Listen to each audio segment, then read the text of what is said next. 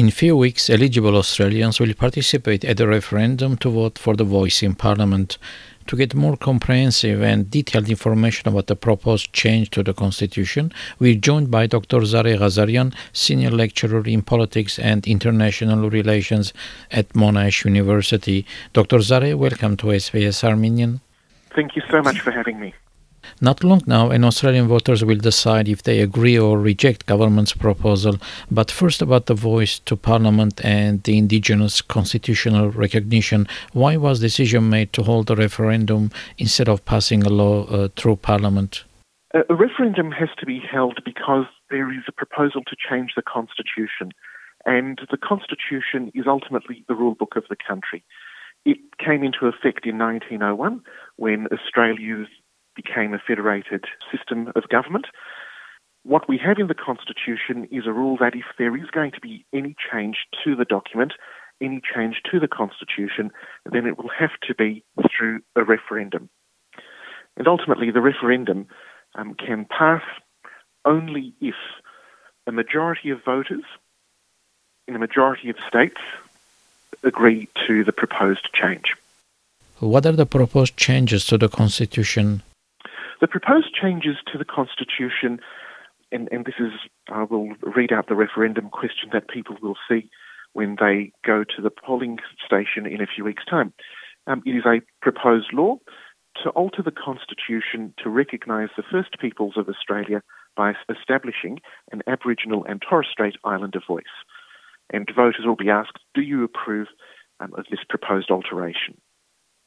And I think that is going to be um, what people will be thinking about more and more the closer we get to the uh, referendum. People will be asked to agree um, or approve this proposed alteration. And of course, the Electoral Commission will be providing households um, with all the information they need to cast uh, an informed and valid vote. Dr. Zareh, what are the main hurdles of holding referendum to change the constitution? One of the main hurdles is the difficulty in trying to change the Constitution. The Constitution was set up so that it was going to be very difficult to make any changes to. As I mentioned earlier, to change the Constitution, there needs to be a double majority. Um, ultimately, the majority of voters and the majority of states must vote yes for there to be a change. And what we've seen, of course, is that this is very difficult to achieve. Historically, are the outcome of referendums successful in Australia? Referendums in Australia have had a very uh, poor track record of success. There have been 44 um, proposed changes, only eight of those have been successful since 1901. And I think, I think the last successful one was in 1977. Um, this was after the uh, Whitlam dismissal in 1975, and one of the changes that was successful was that um, if there was to be a casual Senate vacancy, then someone from the same political party would replace the departing senator. So changing the constitution has been hard. I think the one that people would uh, remember, which was most recent, was in 1999, and that was on whether Australia was to become a republic. Um, and people would, of course, remember that that was defeated as well. So changing the constitution is very difficult. How do votes of states and territories count in a referendum? State votes are part of the national vote, but they also, of course, are important because when we're talking about a majority of states voting yes to, to make a change, then that's where the result is crucial. In other words, state votes contribute not only to the national vote, but of course they contribute to the state total as well. Territories, on the other hand, are a bit different. So the Northern Territory and the Australian Capital Territory, they are not states, and therefore their vote is just part of the national total vote.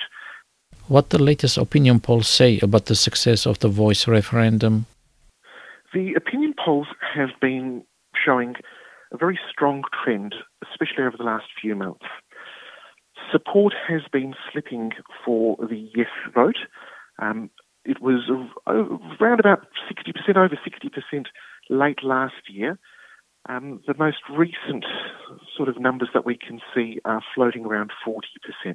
So it, it appears that the longer that the campaign and the discussion has been going on, um, there's been less support for the yes campaign. And when we look at something like Newspoll, for example, um, which um, is published regularly, Newspoll had 56% um, of Australians saying yes in February this year. Um, that's now gone down to 38% this in, in September. And at the same time, the, the no vote has gone up from 37% in February to 53% now. So the trends have been um, clear. Whether that, of course, transpires and whether that becomes reality on referendum day or referendum night is yet to be seen. But the trends at this stage are looking as though the no vote is um, increasing in popularity. Dr. Zareh, thank you for the interview and the information. We'll talk again after the referendum. Thank you so much for having me. Our guest was Dr. Zareh Ghazarian, Senior Lecturer in Politics and International Relations at Monash University.